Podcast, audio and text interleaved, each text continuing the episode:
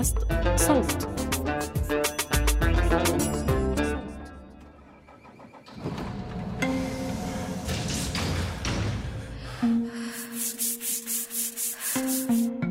العمل بيجمعنا كبشر ولكن ظروف عملنا مش وحدة ولا بتتشابه بتفاصيلها رغم تقاطعها من الخارج. ولحتى نفهم علاقتنا بأعمالنا وعلاقة أعمالنا فينا رح أقدم لكم أنا سليم سلامة الموسم الرابع من بودكاست ما العمل من إنتاج صوت. رح نسمع قصص العاملات والعاملين المحليين والمهاجرين. على أمل أنه نفهم هالرحلة المعقدة من حياتنا كبشر بعيدا عن فكرة إننا بنعيش لننتج وبننتج لنستهلك. هالموسم بيحتوي على ثلاث ثلاثيات. بكل وحدة فيهم بنناقش جوانب مختلفة متعلقة بالعمل.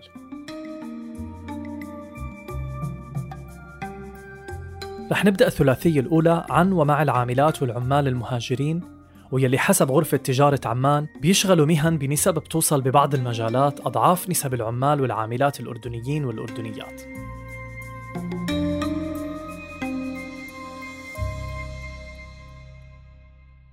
خلال مواسم بودكاست مع العمل الماضية تحدثنا كتير عن ومع عاملات المنازل المهاجرات من بلدان وظروف معيشية مختلفة. شاركونا قضاياهم وقصصهم معاناتهم وتحدياتهم مع أرباب العمل ومع القوانين والقرارات. الموضوع ما بيوقف الحديث عنه لأنه مليان تعقيدات ومليان عاملات وعمال مظلومين أو متخبيين من قرارات قامعة وظالمة وسالبة لحقوقهم وبتحرمهم من أبسط الامتيازات بأغلب الأحيان. وبهالموسم بنكمل الحديث لأنه القضايا ما بتنتهي والتجارب ما بتخلص. بنختم الثلاثية الأولى مع العاملات المهاجرات يلي بيشتغلوا بدوام كامل في المنازل. اليوم بنسمع لبيلا من الفلبين اللي أجرينا المقابلة معها باللغة الإنجليزية والتاغالوجية قبل ما نضيف لها دبلجة باللغة العربية Magandang hapon. Uh, ako po si Bel. Uh, isa sa أنا اسمي بيلا مواليد. الفلبين هاجرت على الأردن بسنة 2016 حتى أشتغل كعاملة منزل ومستمرة بنفس المهنة من وقتها هالعمل صعب جدا لأنه أنت بصراع داخلي دائم مش عارفة إذا لازم تستمري ولا لازم توقفي. مش عارفة إذا أنت محظوظة ولا مش محظوظة. تجربتي بالأردن فيها جزء منيح وجزء سيء. الجزء المنيح إنه العيلة يلي كنت بشتغل عندهم واستمريت معهم أربع سنوات كانوا عيلة طيبة. لكن الشغل وظروفه ما كانوا عادلين أبداً. كنت بصحى أبلش شغل على الستة الصبح وأخلص على التسعة ونص بالليل. ما في وقت فراغ ما في عطلة ما في إجازة. ودائما دائما متوقع مني إني أكون متهيئة لكل طلب بأي وقت. ما في راحة أبدا.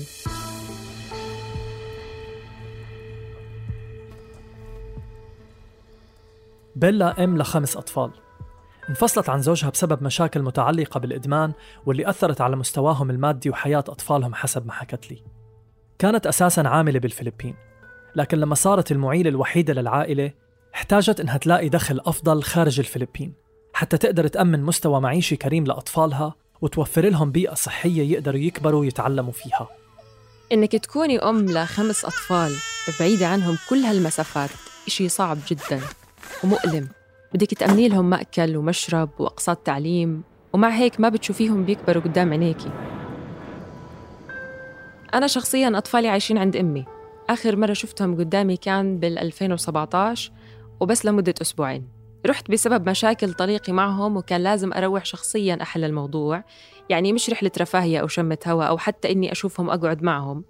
ومن وقتها ما قدرت أرجع أزورهم. الزيارة مش سهلة أبداً. ليش؟ أولاً لأنه ما بطلع لي إجازة أبداً من العلية اللي بشتغل عندها. وثانياً لأني مضطرة أشتغل.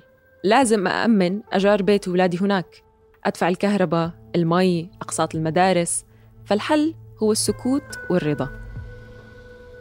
طبعا أنا ما بنكر إنه العمل المنزلي صعب بشكل عام ومش بس علينا ولا بس هون بالأردن لكن إحنا تحديداً كعاملات مهاجرات ما عندنا ضمانات ولا بأي إشي يعني كل إشي مبني على الحظ أو الصدفة. إذا الوحدة حظها حلو تشتغل عند ناس عندهم أمانة وصدق وإذا حظها سيء بتشتغل عند عيلة بخلوها تعيش أتعس حياة ممكن تتصورها من ظلم وانتهاك وهذا واقع أغلبية العاملات.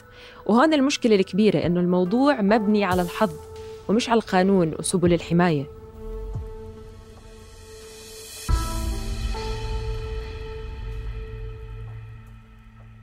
قانونيا تعتبر العامل المهاجرة نظامية إذا كانت بتشتغل بدوام كامل لصالح رب عمل واحد بيكون اسمه أو اسمها مسجل على تصريح العمل. لكن مجرد أنه العامل النظامية ما بيحميها من الانتهاكات وسلب الحقوق والتعديات اللي بتتعرض لها العاملات على نطاق واسع.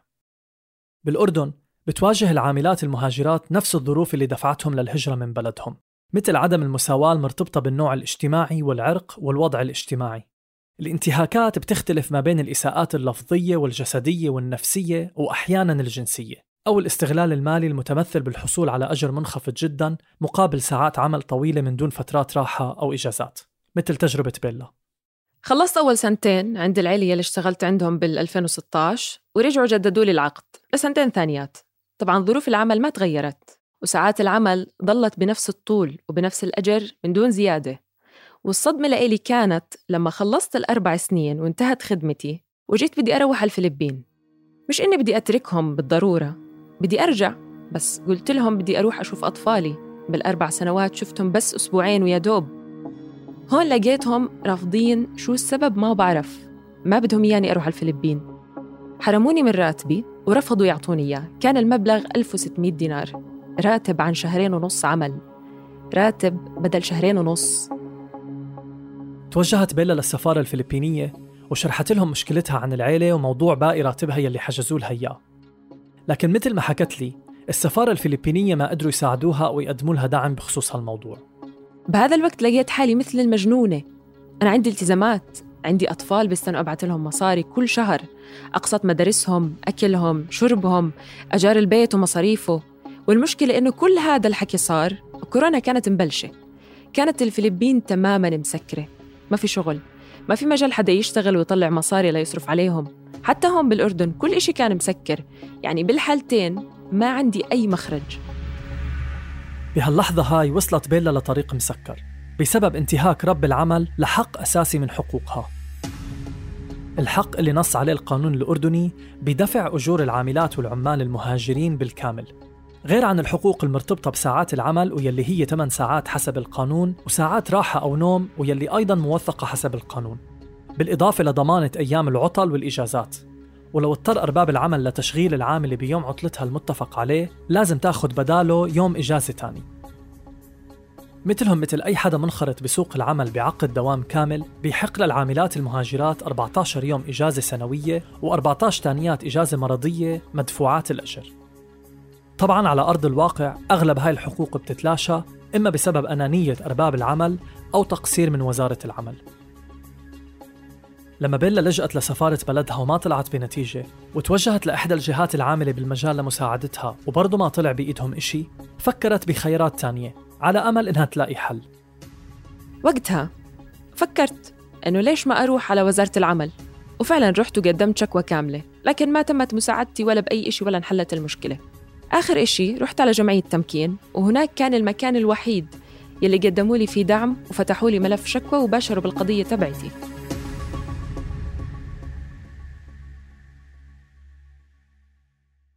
بجمعية تمكين بدت شكوى بيلا أخيرا تتخذ بجدية. تمكين المتخصصة في المساعدة القانونية وحقوق العمال المهاجرين منهم خصوصا بتأكد أنه كثير من العاملات المهاجرات بيكتشفوا أنه الوعود اللي بعقد العمل تغيرت. وحتى العقود اللي وقعوا عليها وكانت مكتوبة باللغة الإنجليزية استبدلت بعقود باللغة العربية مع تغيير محتواها. حسب دراسة للجمعية 42% من العاملات اللي تمت مقابلتهم ذكروا أن الأجور يلي حصلوا عليها كانت أقل من الأجور المذكورة بالعقد. الخداع بيتكرر بعملية استقدام العاملات.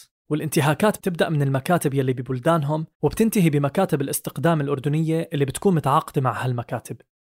العاملات بيعرفوا إنهم جايين يشتغلوا ببيوت لكن ما بيعرفوا عن طبيعة العمل الشاق والمهام غير المذكورة بالعقد اللي لازم يتحملوها. وبعض العاملات بيبعتهم أرباب العمل يشتغلوا ببيوت عائلات تانية من دون موافقتهم ومن غير أي أجر إضافي. المفاجآت هاي كانت آخر إشي توقعته بيلا لما اختارت الأردن كوجهة للعمل. قبل ما أجي على الأردن خضعت لدورة تدريبية وهو إيش المفروض يخضعوا له العاملات قبل وصولهم على البلد يلي رح يشتغلوا فيها. بس مش كل مراكز الاستقدام بالبلدان يلي بيجوا منها العاملات بتم تدريبهم. في كثير عاملات بيجوا وهم ما بيعرفوا إشي عن البلد يلي رايحين عليه قوانينه وعاداته وتقاليده وكل هاي التفاصيل. أنا شخصياً عملت اللي علي.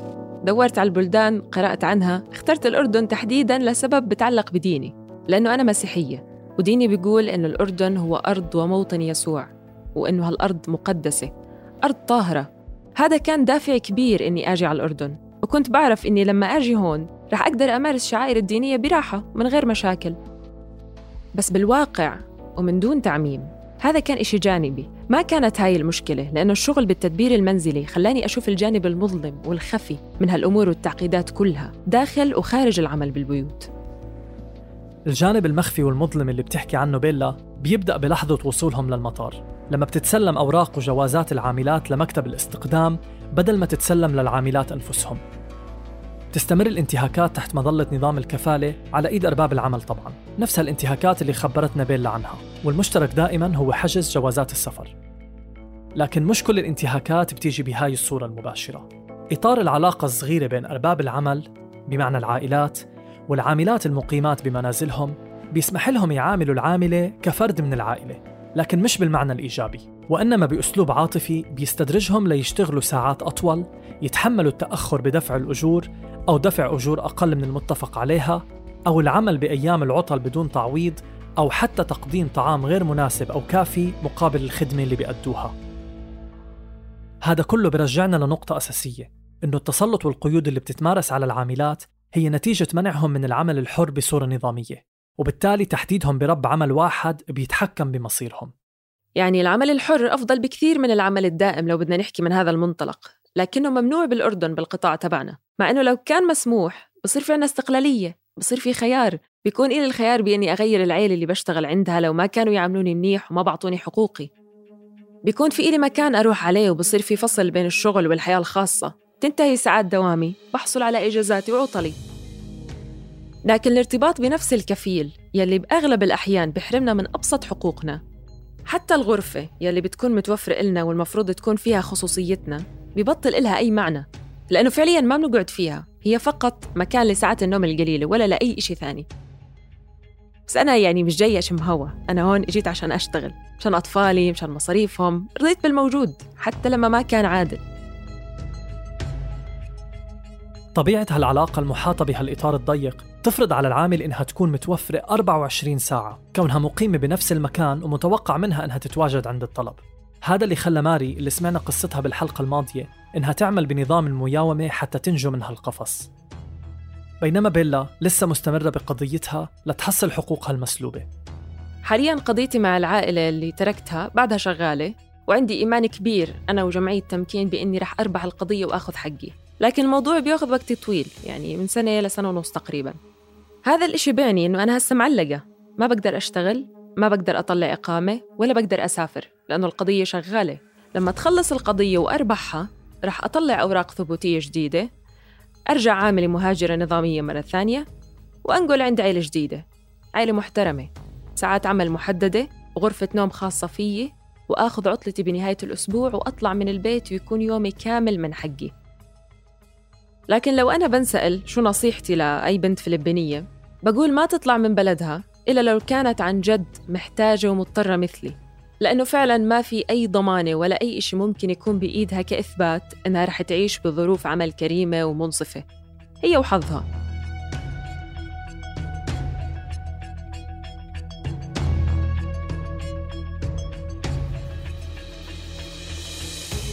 بحلقتنا القادمة رح نبدأ بالثلاثية الثانية. ونسمع ونحكي فيها عن أوضاع العمل والعمال بعد مرور أكثر من سنة على وصول جائحة كورونا للأردن. تابعونا عبر جميع منصات البودكاست.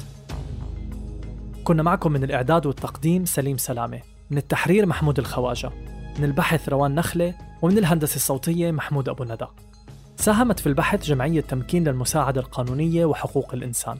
صوت بيلا أدته شهد جهاد والنشر والتواصل تولته مرام النبالي وبيان حبيب.